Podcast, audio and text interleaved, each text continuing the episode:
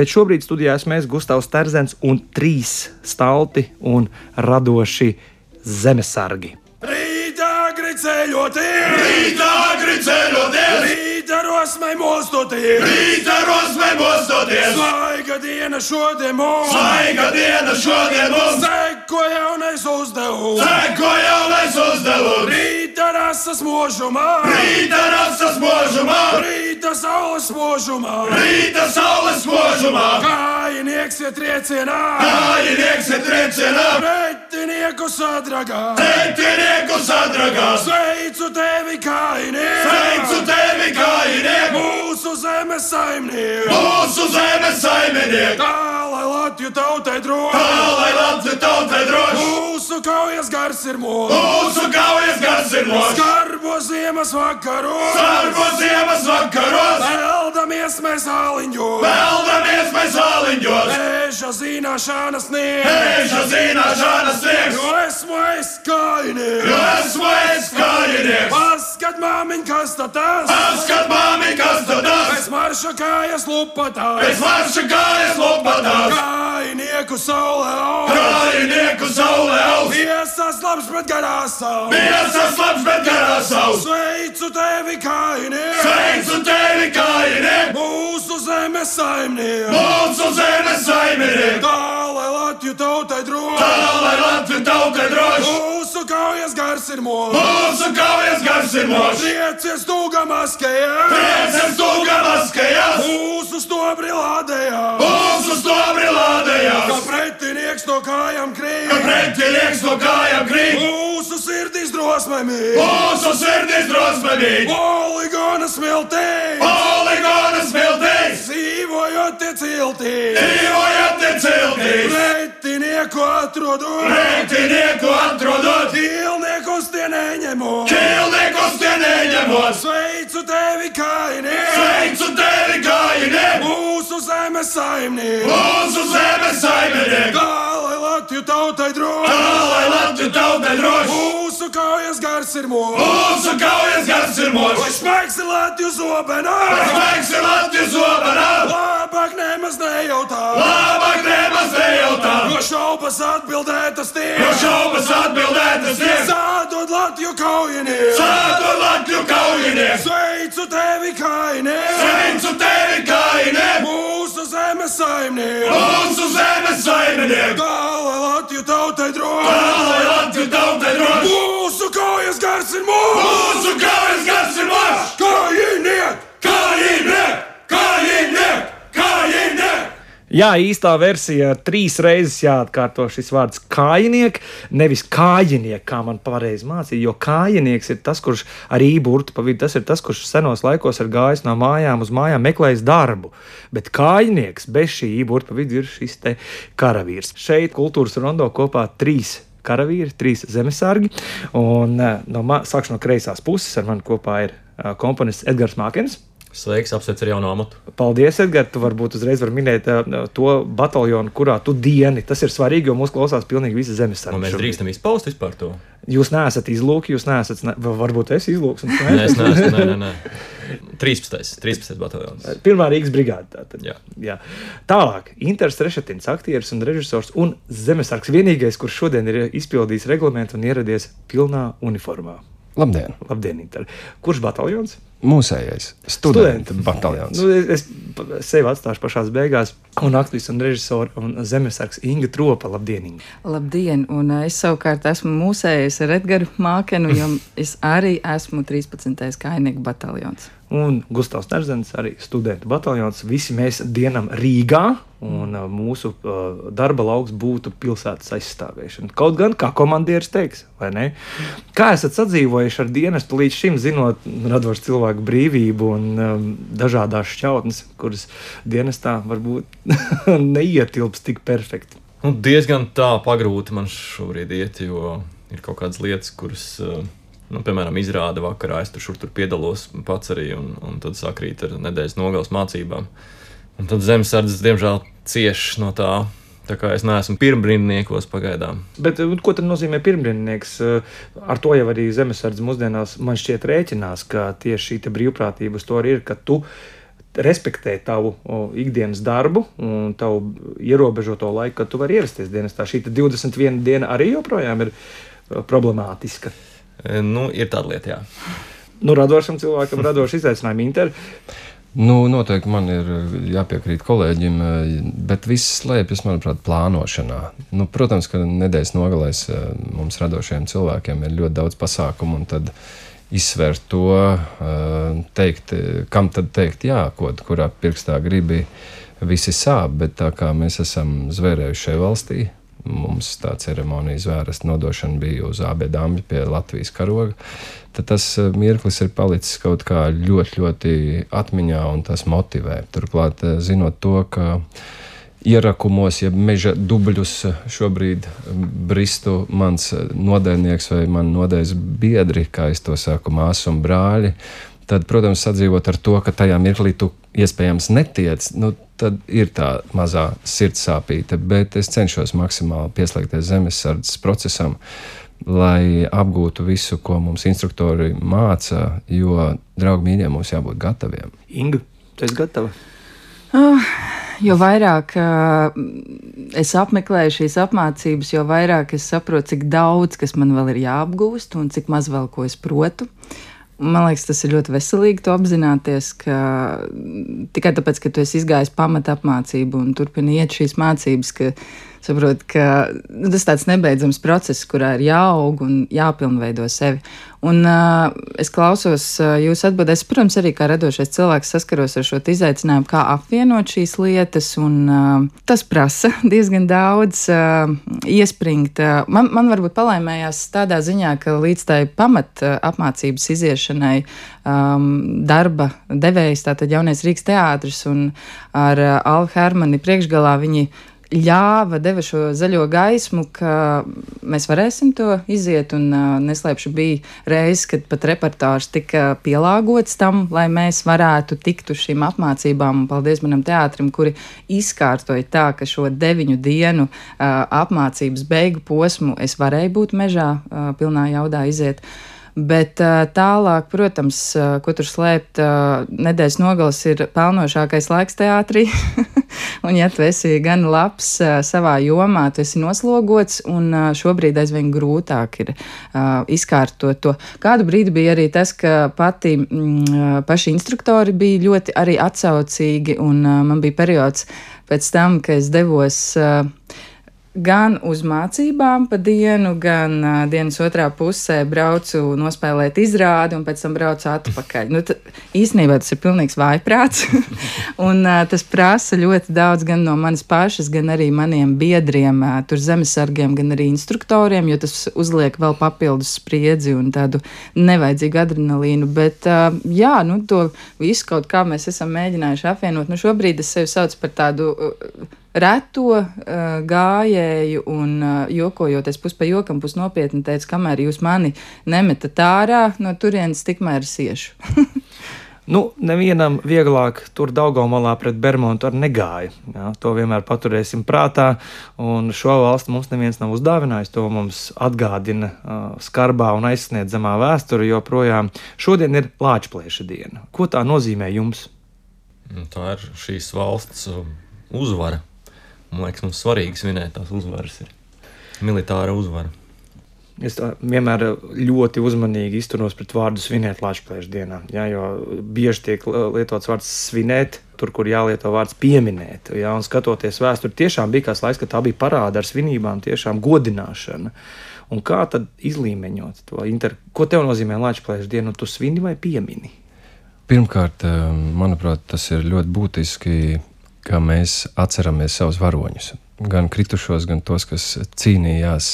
Ehm, tas motivē, tas izrāda, izraisa cieņu, un, un tie mirkļi, sevišķi šajā ģeopolitiskajā situācijā, manuprāt, ehm, nav pat vairs nekādi jāskandē. Tas notiek automātiski. Visi, kas ir lojāli šai valstī, es domāju, ka ir vienisprātis, ka tie ir nozīmīgi svētki, nu, svētki piemiņas svētki.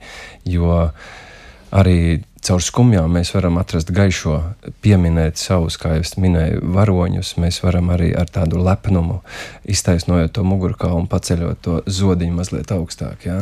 Mēs maziņi, bet stipri ar cieņu pret senčiem. Es piekrītu, svinēt man šķiet var dažādi. Man šķiet tas ir svarīgi, tas, ko Inters arī saka. Pilnīgi piekrītu, ā, pieminot svinēt.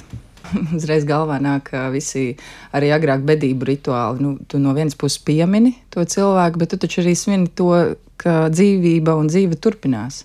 Un, uh, tas nav pretrunā, uh, bet uh, tas svarīgi, lai ir abas šīs daļas.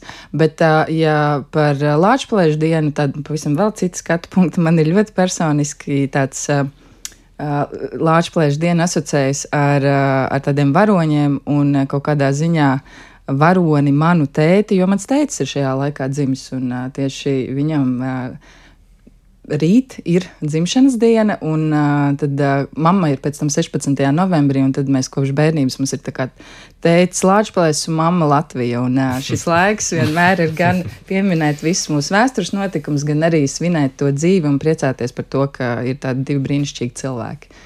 Šī ir skaista ģimenes tradīcija, un, bet daudziem tā ir tradīcija, kas saistīta tieši ar valsts apziņu, ar valsts godināšanu un svecīšu nolikšanu. Starp citu, nav nemaz tik sena. Uh, 1988. gadā tikai atkal atļāva. Skatos, ka esi bijis Wikipēdijā. Nevienā vien. Un, un šajā gadījumā ta- tas ir daudz vai maz, jo e- es bērnībā, mēs ar vecākiem bērnībā negājām. Kādas ir jūsu tradīcijas, kā jūs, kā jūs, kā jūs svinat, kā jūs pieminat, ko jūs darat tieši praktiski Latvijas dienā? Nu, es jau te minēju, nu, man, man tas uh, iet kopā ar to vecāku dzimšanas dienu, bet uh, tiek pieminēti arī šie vēstures notikumi, un uh, tas iekļauj to, ka uh, mājās ir ļoti daudz sākot ar dekoriem, uh, valsts karoga krāsās, ir arī svecīšu dedzināšanas, pirms vēl sākās tādas uh, ap, ārpusē. Uh, ir, um, Brīžam šo tautas dziesmu dziedāšanu, šo patriotisko dziesmu dziedāšanu, un tas viss laiks paiet kopā jā, zem, zem šiem te notikumiem, atceroties viņus, pieminot šos varoņus, skatoties, kas arī mūsu dzimtā ir, kāda tur stāsta bijuši un kā tas ir attīstījies. Tā, tas vinēšana. Bet redz, es jau atceros sevi no brīža, kad mēs esam ieguvuši neatkarību atkal, un uh, līdz ar to es esmu tā paudze, kura tas ir tikai loģiski, ka tas tiek katru gadu atzīmēts un svinēts.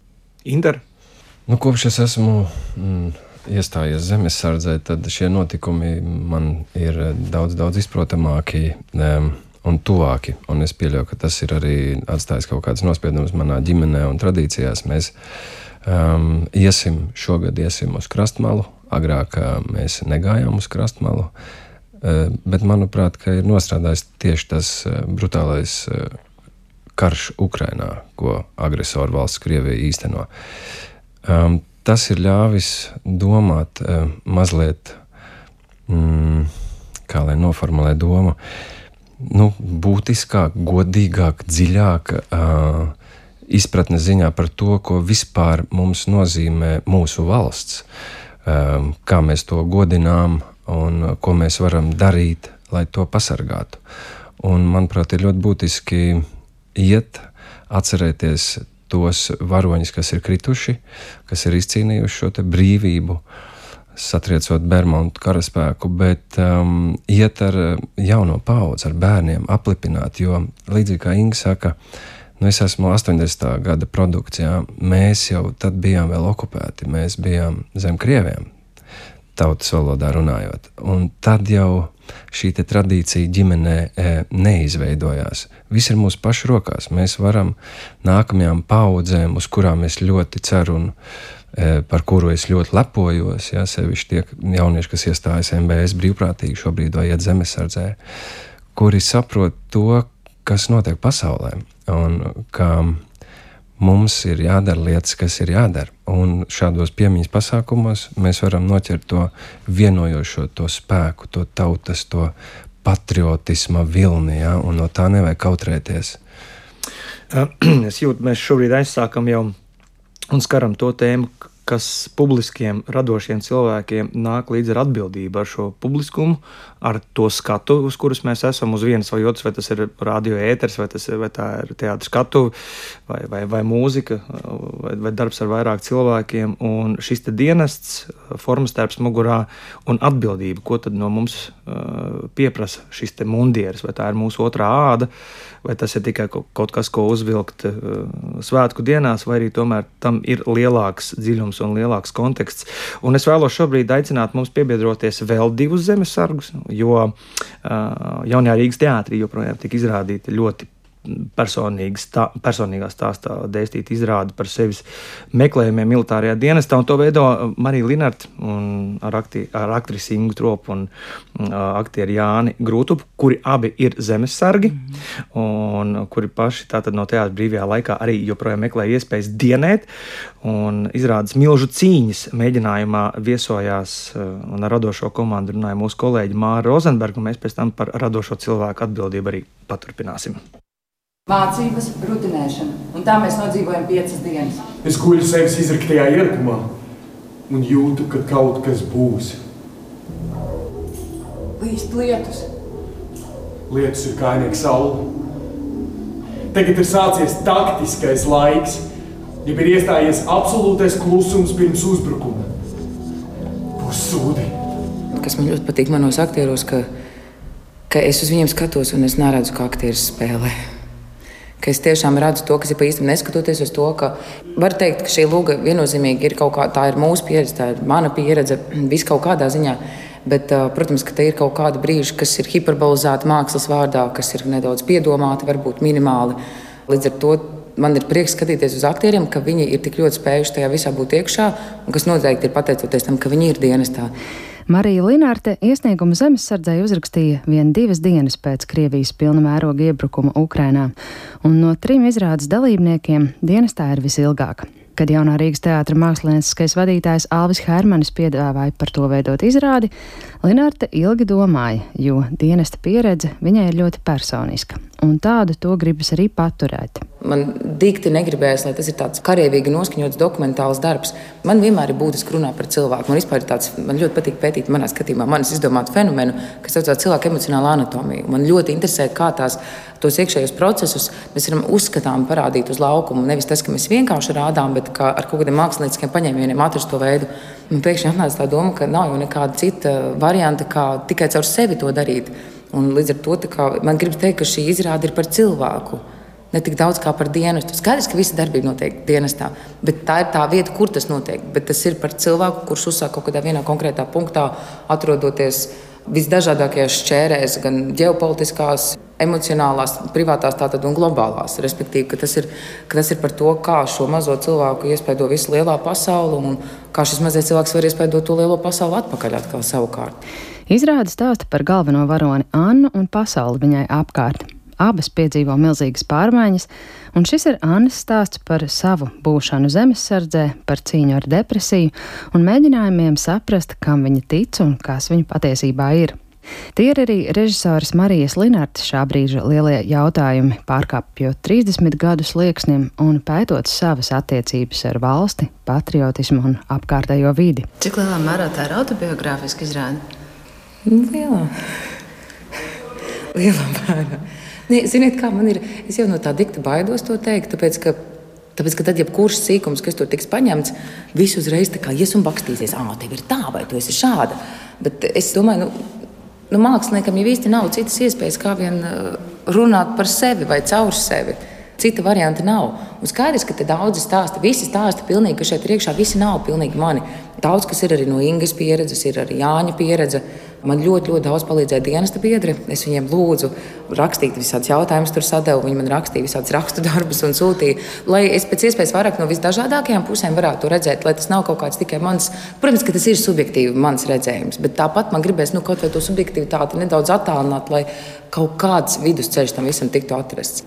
Jā, iespējams, viņi tagad ir iedzīti šokā, jo no iepriekšējo četru dienu kurorta, kur mums deva ēst, Visus apčubināja, stāstīja interesantas lekcijas, ļāva izgulēties, mēs esam izdzīti. Tagad divi skarbi keksi nemitīgi kliedz uz mums par katru mazāko sīkumu, gulēt neļauj. Tur mums nemitīgā spriedzē. Iespējams, viņš šo spēli pirmajā brīdī neuztvēra. Tāpēc viņi tagad aplikumā blisinās. Nekas. Apgaismība atrod arī viņus. Viņi saņemās, kļūst runāt spējīgi. Mēs visi esam tikai cilvēki. Jā, bet ne visiem ir jābūt dienestā. Man gribas ēst. Jā, un kāda jums ir pieredze? Pamats ir iziets, un tas ir pats svarīgākais. Tas ir tikai pats sākums. Arī izrāde ir par šo pirmo posmu. Un vienmēr, kad uh, absolvēju šo pamatu apmācības kursu, tad saka, ka tas ir tikai pats sākums. Un arī iekšējā sajūta ir tāda, ka tu pabeidz. Es tiešām neko nemāku. Tā sajūta ir to lielo nevarēšanu, ka tā pirmā reakcija liekas, ka tā varētu būt ļoti drausmīga sajūta. Jā, bet tas mījas ar to lielumu, ar to, ka tu esi daļa no kaut kā svarīga, kam cilvēki ir zvērējuši ar savām dzīvībām, un cik tev vēl ir priekšā, un tā lielā griba. Tas jau nav, es nevaru, un viss, tas nav man. Nē, tā arī var būt. Es par sevi tikai patiesībā varu runāt. Es nevaru, bet es gribu varēt. Bet ko māksliniekam nozīmē šādu dziļi personisku pieredzi pārcelt publiskā mākslas darbā? Aktieri saka, visa pamatā ir godīgums. Tas ir arī sava veida paskaidrojums. Saprotiet, man kāpēc es to daru. Labi, mēs ejam cauri mūsu varonas Annas stāstam, bet kāpēc arī es to daru? Un, jā, tā kā Inga teica, godīgums, Ingas darbi ir nesalīdzināmāk vairāk līdz šim bijuši kā man, bet līdz šim laikam tas ir man sirdī nozīmīgākais darbs, beigie vārdu. Un viss noreducējas uz to, ka mēs esam tikai cilvēki. Tā ir vienība, kas iespiesta starp milžiem un viņu cīņām. Kultūras rondo skatās. Lūk, kamēr daži varbūt ne pie lielākās sajēgas esošie pasaules milži dala pasauli un sūta nevainīgus vīrus un sievas nevajadzīgā nāvē, mēs šeit, kultūras rondā, sēžam un sarunājamies. Un, kāda ir tā atbildība un kāda ir tā neizbēgamība arī radošam cilvēkam pieņemt šo lēmumu, iet dienēt? Uh, Esam kopā ar komponistu Edgars Mākenu, ar aktieru un režisoru Interu Rešetinu un aktrisi un režisoru Ingu Tropu, kura arī tātad vienā no lomām milzu cīņu izrādē. Un Inga saka, kāda radošam cilvēkam ir papildus atbildība nekā citiem šajos apstākļos kopš pagājušā gada 24. februāra. Iet dienēt un vilkt formu stērpu un par to stāstīt un runāt tālāk. No vienas puses, radošs cilvēks ir tikai cilvēks, kā jebkurš cits cilvēks, kurš vai nu uzņemas vai neuzņemas atbildību par tiem cilvēkiem un tām vērtībām, kas viņam ir svarīgas un ko viņš mīl un par ko viņš iestāsies un rūpēsies. Un no otras puses, protams, kā radošs cilvēks un publiska persona, viņam ir citas vēl plus atbildības, jo skaidrs, ka nevar noliekt, ka ja tu esi tajā publiskajā telpā pamanāmāks, tad katra tava rīcība un katrs tavs komentārs un katras tavas domas uh, tiek daudz. Uh, vairāk, nu, pirmkārt, pamanītas, un tās atstāja lielākas pēdas. Un uh, tad, jā, es apzinos, ka gan veicot kaut kādus ierakstus par šo tēmu, paužot savu viedokli ar darbiem, to konkrēti arī pierādot, es veidoju arī kopējo sabiedrisko domu un sabiedrisko nostāju. Bet vai zemesargs tā ir vēl viena loma, vai tas ir asinsritē? Es domāju, tā nav noteikti loma. Tādu lomu izvēlēties, nezinu. Uh, jo es nezinu, kā jums bija studentu bataljonā, bet mums pirmajā dienā, kad mēs tur bijām, protams, vēl savās civilajās drēbēs un viss ar savām, saviem statusiem un sabiedrībā paši sev uzliktajām vai sabiedrība uzlikusi lomām, tas viss diezgan ātri sašķīda, jo mums vajadzēja definēt mērķi, kāpēc mēs esam šeit. Un kāpēc tas bija jādefinē, lai saprastu, cik tiešām spēcīgs ir šis mērķis, jo krīzes situācijās vēlāk tas būs vienīgais iespējams, kas tevi vilks ārā no bezcerīgiem stāvokļiem. Un tajā brīdī tu saproti, nu, tā nav nekāda loma, vai nu tevī ir šī pārliecība un šī mīlestība, vai viņa nav. Nekādu lomu tu tur nenospēlēsi. Bet tulkojot pasaules haosu un šo nesaprotamību, ļaunumu un bailes mākslas valodā. kā mēs varam palīdzēt. Jo ik pa brīdim mēs dzirdam, ka cilvēkos iestājas apātija, negribās iet, zūd ticība tam visam. Tas aicinājums ir svārstīgi, ir ļoti daudz, ko es ļoti labi saprotu, un es nevienam nepārmetu. Un es pilnīgi ticu, ka vīrietim ar trīs bērniem un diviem, diviem uzņēmumiem, nu, kāda viņam vēl tur bravo soma, viņam jādomā, kā viņus izglābt vienkārši un pa kuru ceļu bēgt uz kuģi, ja nu gadījumā tā x stunda nedod Dievs pienāks. Bet mēs nedrīkstam aizmigt, un to mums visu laiku atgādina. Ja? Mēs redzam, ja mēs kaut uz sekundi iemiegam, tā uzreiz pretinieks ir klāts. Edgars, Inter, māksla kā uh, izteiksmes līdzeklis, kas palīdzētu neaizmigt. Kā tā palīdz? Un cik jūs to izjūtat? Vai jums ir kaut kas mainījies jūsu radošajā dzīvē, ka vairs nevar tikai darīt, ko gribās, ir jādara to, ko vajag? Es domāju, ka, ja, ja sāktos lielie mēsli, tad nu, tā māksla, nu, viņi, viņi, lai, viņi paliek trešā, ceturtā plānā. Man liekas, tas tieši tas, tā motivācija man personīgi bija, nu, kad sākās Ukraiņas notikumi. Uh, es sapratu, nu, tā kā nu, man ir trīs bērni, ko es darītu? Tiešām es bēgtu vai paliktu? Es sapratu, ka paliktu. Un, ja paliktu, tad kā vienkārši sēdētu mājās. Nē, nu kaut kas ir jādara. Nu, tā, tā bija tā, tā ķēdīte. Uh, un, un, un tad jā, ir kaut kas jāmācās, un, un ar kaut kādiem cilvēkiem jā, jāsaprotās un, un, un jāvienojās par kaut ko, ko mēs darām. Um, tā kā man šķiet, ka mākslā tur ir pilnīgi pakārtot loma. Kad runā liela gabala mūzes klusē, tomēr. Mm -hmm. Vispār es varētu parakstīties Edgars, zem taviem vārdiem, jo man tieši tāda pati tā motivācija bija, kāpēc tur aizgāju. Bet, uh, bet es domāju arī tāpat laikā, nu, tā māksla, protams, un radošums ir klātesoša visu laiku, arī tad, kad liela gabali skan, viņi tur ir.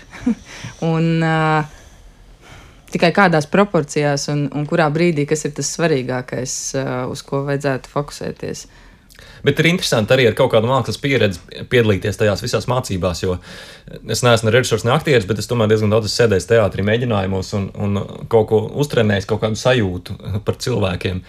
Un tad ir interesanti īpaši instruktoru korpusā paskatīties, kurš, kurš cilvēks ir varas tripā, kurš cilvēks ir godīgs pret mm. tevi.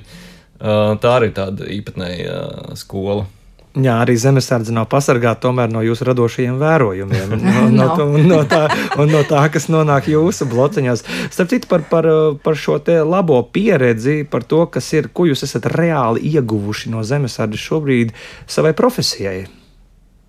Nu, Inters nu, skrien ātrāk krosiņu, to es zinu. Mēs kopā skrējām. Diez vai es skrienu ātrāk krosiņu. Es, eh, Gusto, es nezinu, kā tu, bet es arī novecoju ik pa laikam. Uh, un nav vairs tas eh, spriganums kaulos, bet normatīvus mēs, protams, nokārtojām. V4 grupā. jā, tālāk, ir... tālāk ir tikai V5, kas ir. jā, bet, bet vienalga es uzskatu, ka šis ir mūsu paudzes laiks, un mums ir jābūt eh, pirmajiem, kas iet un tā ar lāpstiņu pa priekšu, šķipelē to ceļu pārējiem, kas sekos. Um, vai zemesardze ir izmainījusi kaut kādu skatienu manās pašizpausmēs. Jā, jo nu, 75% no darbiem, ko es radu, tas ir saistībā ar to, lai kustinātu kaut kādas procesus sabiedrībā, kas skar patriotismu, kas skar um, latviešus un krievus Latvijā. Un, um, tie ir jautājumi, kas man satrauc un caur mākslas prizmu, ņemot vērā to pieredzi, ka es zinu, ka mani brāļi un māsas, mēs uh, zobu pie zobu nespējam noturēt 16 grādos, salstam pončo, un kad ir putenis un tu ej un cīnies un tu gatavojies, jā, tad tie ir tie lielumi, kas palīdz saņemties, runāt tiešāk un precīzāk. Un iepriekšējā jautājuma diskusijā es nepiedalījos, bet man tiešām satrauc tas, ko tu pacēli to jautājumu par māksliniekiem, vai viņiem runāt un kā runāt, un tā atbildība. Uh, nu, tā ir katra brīva lieta, bet um, tas, ko es sagaidītu no krieviem, kur dzīvo Latvijā, arī māksliniekiem, kā draugi, mīļie, rādiet priekšzīmi.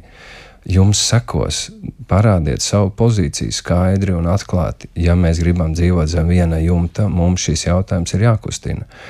Un šo jautājumu es gatavojos kustināt arī caur mākslas prizmu. Jā, kā viens no mūsu zobenu brāļiem minēja, blogā es neminēšu precīzi, kurš tagad tas nebūtu korekti, ka visdrošākā vieta, ja nu kaut kas notiek, būs zemesardzē plecu pie pleca ar saviem biedriem. Un es to šobrīd pats dienot, es saprotu to, ka tam ir pamatojums, tam ir, tam ir pamats, jo, jo vairāk tu mācies, jo mazāk tev gribās, lai tas viss notiek. Jo ar katru nākamo dienas reizi, ar katrām nākamajām mācībām, tu saproti, kāds nenormāls resurs tajā militārajā rīīgajā kara mašīnā tiek ieguldīts visā pasaulē un cauri, cauri, cauri civilizācijām, ja, cauri vēsturei. Mums ir bijušas kādas vēstures grāmatas, kuras rakstīts, ka viņi 300 gadus dzīvoja mierā un saticībā, pļāva labību un, un, un, un, un dzīvoja mierīgu dzīvi. Nē. Ja, mums ir no kara līdz karam īstenībā. Un man, man ar meitu bija saruna, un viņa vienkārši pajautā, kas ar šo pasauli nav kārtībā. Ja, kāpēc ir tā? Kāpēc ir karš? Un es nevaru atbildēt. Un es, uh, es būtu atbildējis, ir jocīgi, ka ir miers. Ir jocīgi, ka ir miers. Mm. Man šajā gadījumā trūkst, trūkst uh, loģisku, jeb tādu mm, parastu argumentu, lai bērnam to paskaidrotu. Tāpēc ir iespējams vajadzīga šī mākslas valoda. Ja? Leļu teātrī būs uh, izrāda par, par kā puikam Sibīrijā deportācijas laikā ir gājis, ne? Varbūt mums ir laiks to arī katram, kuram tā skatuve ir dota, runāt par to šajā gadījumā. Par, tāpēc arī šis jautājums. Un neatgriezeniski režisori taču var ietekmēt pieredzi. Ja tev komandieris pasakā, mēs tev pateiksim, ka tev būs augsti. Nē, man gribās ēst, kā mēs dzirdējām tikko reportāžā. Nē, nu, mēs pateiksim, ka tu būsi izsalcis. Tagad ir uzdevums. es par šo pieredzi Inga, tev, tev, kas tev kā aktrisei un režisorei nācis klāt tieši no dienesta? Es pirmām kārtām gribētu teikt, man kā cilvēkam. un uh, es spēju novilkt robežas vēl uh, prasmīgāk, kas ir mana bijusi ilgstoši vājā vieta. Um, un spēja aizvien vairāk novērtēt to, kas tev ir dots, un iestāties par to. Uh, Jo jūs arī interviju tikko minējāt, tur tos uh, grūtos apstākļus, kas, uh, ko visi pieredz. Un, un ak, Dievs, man arī ir daudz stāstu, un mums te katram varētu, kā, kurā brīdī, kādi ir bijuši tie lūzuma mirkļi. Un, un ka tu tajos mirkļos saproti, ka cik daudz mēs ikdienā, un tā skaitā arī es par daudz ko čīkstam, es atvainojos, un pārdzīvojam, kaut ko tur ņemamies. Un, kur vispār to nevajadzētu. Un mēs lieki tur investējam uh, savu enerģiju, tos resursus, kas mums ir dot šajā dzīvē, un ka tās lietas vajadzētu vieglāk un koncentrēties. Jo izrādās, vajag pavisam nedaudz, bet lai ir pa īstam, un tad iestāties par to, kas ir pa īstam, un tur uh, ieguldīt savu enerģiju nu, jā, tādu apziņu tas man ir palīdzējis. Devis. Un uh, interesanti ir arī, ko es tojoties tai pašai milzu cīņu, pirmizrādēji uh, pats sev iekšēji formulēju, kāpēc man arī tas viss ir bijis vajadzīgs. Ka jocīgi, es esmu arī cilvēks, kurš uh, iet un meklē arī dažādas garīgās pieredzes Bet visneparastākais, vismaz manā stāstā, ir tas, ka vislielāko garīgo pieredzi līdz šim es esmu piedzīvojis tieši zemesardzē, tur starp tiem dubļiem, akmeņiem, ieročiem, kaku, čūru bedrēm, starp visu šo te. Uh, Dīvainā kārta. Štāps klausās. Tagad varbūt tev būs zvans pēc ētera. Ok, jā, tā noteikti arī būs. ka, jā, kaut kā tādu visu, tādu garīgāko un sakrālāko pieredzi es esmu iegūst tur. Un tas nav aiz kaut kādām tur tādām lielām formām. Tie ir ļoti dziļi mani, protams, procesi, bet jā, tāds labs pieaugšanas un iniciācijas ceļš. Paldies, Inga. Man šķiet, ka ar to garīgo ievirzi mēs varam arī ienirt lūkšanā par tiem, kuri izcīnīja mums šo valsti muzikāli šoreiz. Yeah.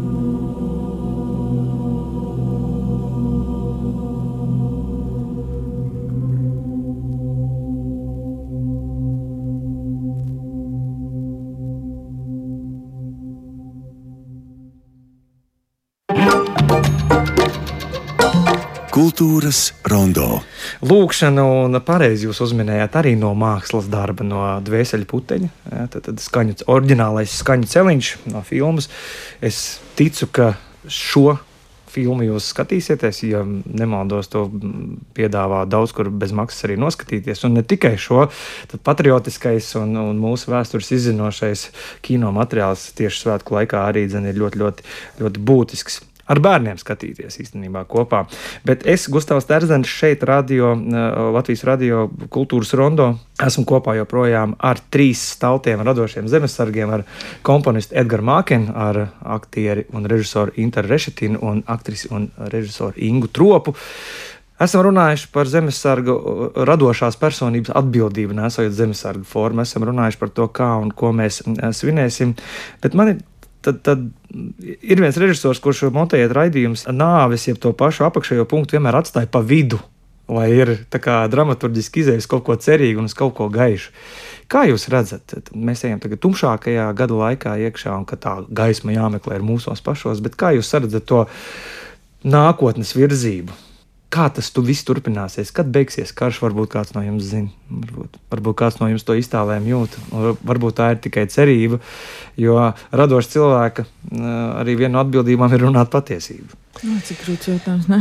Nu, šobrīd ir sajūta, ka cilpa savēlkas, ja mēs skatāmies, ar, kas notiek ar Izraēlu, jā, ar, ar Hamas, ar, ar, ar Krievu un Ķīnu savstarpējām attiecībām, Krievijas un Ķīnas, jā, un, un ar Amerikas vēlēšanām, kas tuvojas, un mēs nezinām, kas uzvarēs un kāds būs atbalsts Ukrainai. Es lepojos ar visiem tiem, kas atbalsta Ukrainu tiešām gan patvērumu dod, gan humano palīdzību, gan biedrībā, gan Twitter konvojas. Mēs esam baigiem malači, ka mēs viņus atbalstām.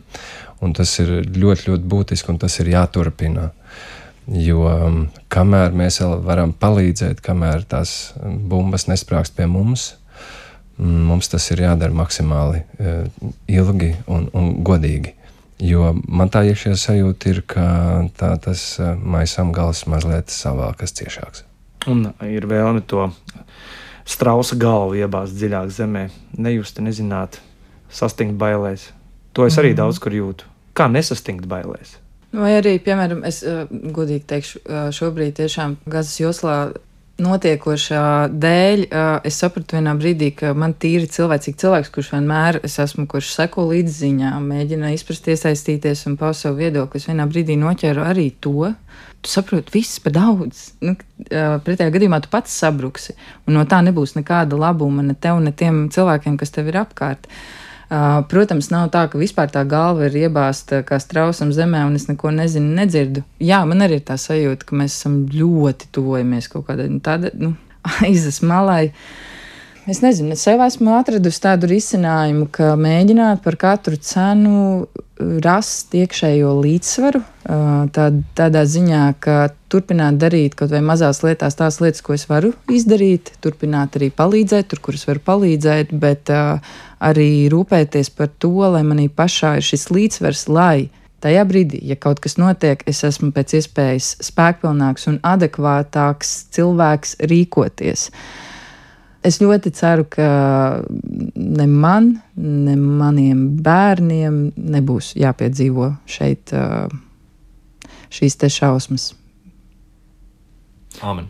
Amen. Edgars, kas tavās partitūrās parādās? Tu zini, man ir kaut kāda pretreakcija iestājusies. Man tieši velk uz maigumu un uz kaut ko tādu ļoti mierīgu un, un naivu. Arī droši vien tā ir kaut kāda tāda vienkārši atbildes reakcija uz to, uz notikumiem ārpusē. Jo, jo atcer, atceries, kāds bija tas sākums, kad sāk, pēc februāra 24. kad mēs vienkārši neatlipām no datora, sekojot līdzi tiem visiem video. Un tas, protams, pamazām ir noplatis, jo vienkārši iestājās pārsātinātība. Un, un tad šobrīd ir kaut kā tā, ka nu, tās lielās līnijās es sekoju līdzi, bet, uh, bet es pieņēmu par principu to, ka vienkārši uztraukties par lietām, kuras es varu ietekmēt, un neuztraukties par tām, kuras nevaru. Un, attiecīgi, nezinu, es varu noziedot naudu vai mantas, uh, bet nu, šobrīd Ukrainai, piemēram, es savādāk palīdzēt nevaru. Bet, nu, no jā, mākslā sanāk tā, ka ir kaut kāds tāds gribās kaut ko siltu. kaut, ko, kaut ko mažorā. Nedaudz kaut ko, kaut ko vairāk. Nekas drīz cerēsim, uzsnigs sniegs, paliks mazliet gaišāk, bet šobrīd jā, pie tā kailā novembra mēneša tikai tās secītes. Tikai tās secītes. Jā, mēs ar manu ģimeni plānojam arī rīt iet uz krasmalu, tā kā tiksimies tur varbūt.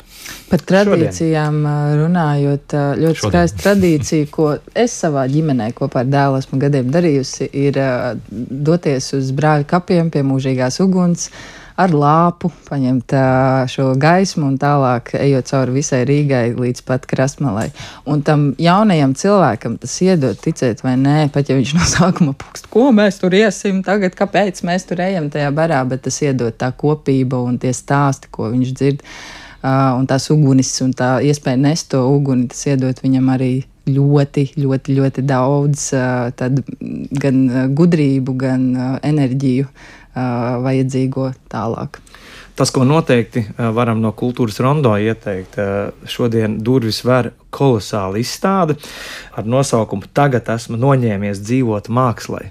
Jāzeps Grosvalds, jā, kurš cits starpā arī ir veltījis daļu sava talanta bēgļu tēmai, kara tēmai. Viņš arī dienējis, starp citu, izlūku kavalērijas virsnieks. Viņš ir bijis dzīvoja mm. ātru, spilgtu, blīvu mūžu, 28 gadu vecumā, diemžēl 20. gadā, pirms 100 gadiem viņš devās mūžībā, bet izstādē ir nu, tik tik, tik ļoti tematiski un, un precīzi šķiet vien izreikināts tas laiks, kurā Atcerieties, strēlnieks, atcerieties tieši to laiku un saķert to laika garu, jo mēs arī šeit radio runājām, ka tie gadsimtu sākumi, nes kāpēc pēdējos pāris gadsimtus ir tik ļoti uh, traģiski. Lūk, saruna ar uh, pirms pāris dienām šeit pat kultūras rondo studijā ar uh, gan izstādes kuratori Jau Kalneču, gan uh, ekspozīcijas konceptu izveidotāju Ievu Stūri. Viņš bija dienējis šajā 11. un 12. gadā cara armijā Vilkavišķos, mūsdienu Lietuvas teritorijā.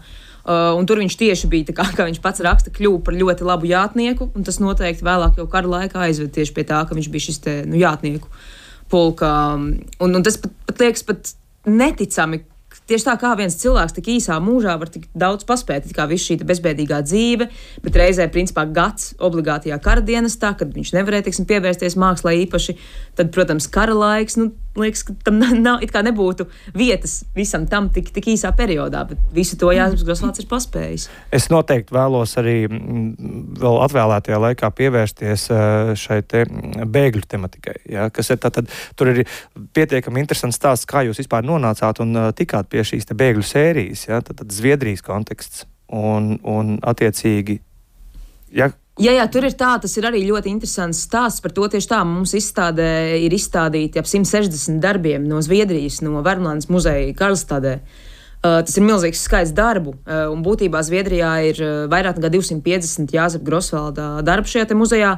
Neliels skaits arī modernajā muzejā Stokholmā, jo tā kā Grosvalda divas no māsām otrā pasaules kara laikā un pēc tam nonāca Zviedrijā, viņas aizveda līdzi ļoti lielu šo te uh, skiču uh, ciklu, kur bija nevis ciklu, bet tur bija gan strēlnieku cikls, gan bēgļu cikls, gan austrumu cikls. Un, un tāpēc ir, ir burvīgi, ka ar šo izstādi mums ir iespēja atvest no Zviedrijas tik lielu skaitu, un tie ir darbi, kas Latvijā nav bijuši redzami kopš 20. gadiem. Un, un, un tieši tā, tie glabājas tur, un ar, ar šo Vermlandes muzeju mums izveidojusies patiešām ļoti lieliska sadarbība. Jā, ne, lūdzu. Nu, vēl interesanti varbūt ir tas, ka eh, Vermlandē, Zviedrijā, protams, par Grosvaldu nebija nekādas īpašas informācijas. Viņiem glabājās viņu darbi, kas bija diezgan nejauši tur nonākuši sakritību rezultātā, bet viņi paši tā kā īsti nezin, nebija apzinājuši to mākslinieku. Un šīs sadarbības rezultātā jāpiemina, ka eh, viņiem interese radās un, kā teikt, viņi varbūt pārvērtēja vēlreiz to krājumu, kas pie viņiem ir. Un uh, pagājušā gadā Jā. uh, tur bija izveidota izstāde, kas saucās Dzīvot acu birklim, mm -hmm. ko veidoja Zviedru kurators, pētot uh, nu, mūsu latviešu mākslinieku Jāzepa Grosvalda dzīvi un, un mākslu. Un tas man liekas ļoti jauki, kad teiksim, nevis mēs aizvedam izstādi parādam, bet viņi paši ir ieinteresējušies par to, kas viņu krājumā ir un izveido ļoti skaistu izstādi Vermlandes muzejā. Jā, nu šajā gadījumā vēlreiz jāatcaucās uz to simts gadu lielā loka iziešanu. Mēs tieši šodien ar raidījumu producentu arī runājam, ka tie gadsimtu sākumi ir pārāk traģiski pēdējos pāris gadsimtus vētot. Un Jāzep Grosvalda dzīvē tas nav bijis savādāk, respektīvi bēgļi. Spāņu gripa, kas ir noteikti Eiropas mērogā, mm -hmm. tā ir pandēmija bijusi, vai ne? Jā. Karš. Ja? Un tā kā, tā kā tāda kopija laikmetām. Un tagad mums jādomā, kas būs 2123. gadā, kurš pēc simts gadiem būs tas Grosvalds. Jā, Jāzeps Grosvalds Latvijas Nacionālajā Mākslas muzejā lielajā zālē izstāda tagad esmu noņēmies dzīvot mākslā. Lūk, no, no vienas puses Dendijs un modernists, no otras puses karavīrs un pasaules piedzīvotājs. Šodien Latvijas dienā mūsuprāt, ļoti labs uh, punkts jūsu uh, piemiņas un svētku maršrutā caur, muzeju. Bet šeit, Kultūras Rondo studijā, es saku milzīgu paldies par dienestu pirmkārt uh, zemesargiem Ingai Tropai, Interam Rešetinam un Edgaram Mākenam. Varbūt kādi ceļvārdi mums visiem tā. Lai sausi zābaki. Galvenais, lai kājas vienmēr sausas. Jā, neskatoties šie smiekli. un kā tur bija lietas ar kainieku sauli? Ja? Uh, nu, jā, kainieku saule. Spori spīd. Mārtiņš Brauns reiz teica, tad, kad bija jāsaka novēlējums stādiet kokus. Es savukārt gribētu teikt, ne tikai stādiet kokus, bet sargāsim to mūsu zemi kopā, stājieties zemesardzē sargāsim šo zemi kopā. Es savukārt teikšu milzīgi paldies kultūras rondo komandai, producentei Santai Laugai, mūzikas redaktoram Ansim Pavasarim un skaņa operatoram Valdim Raitumam. Es, Gustavs Terzens, no jums atvados!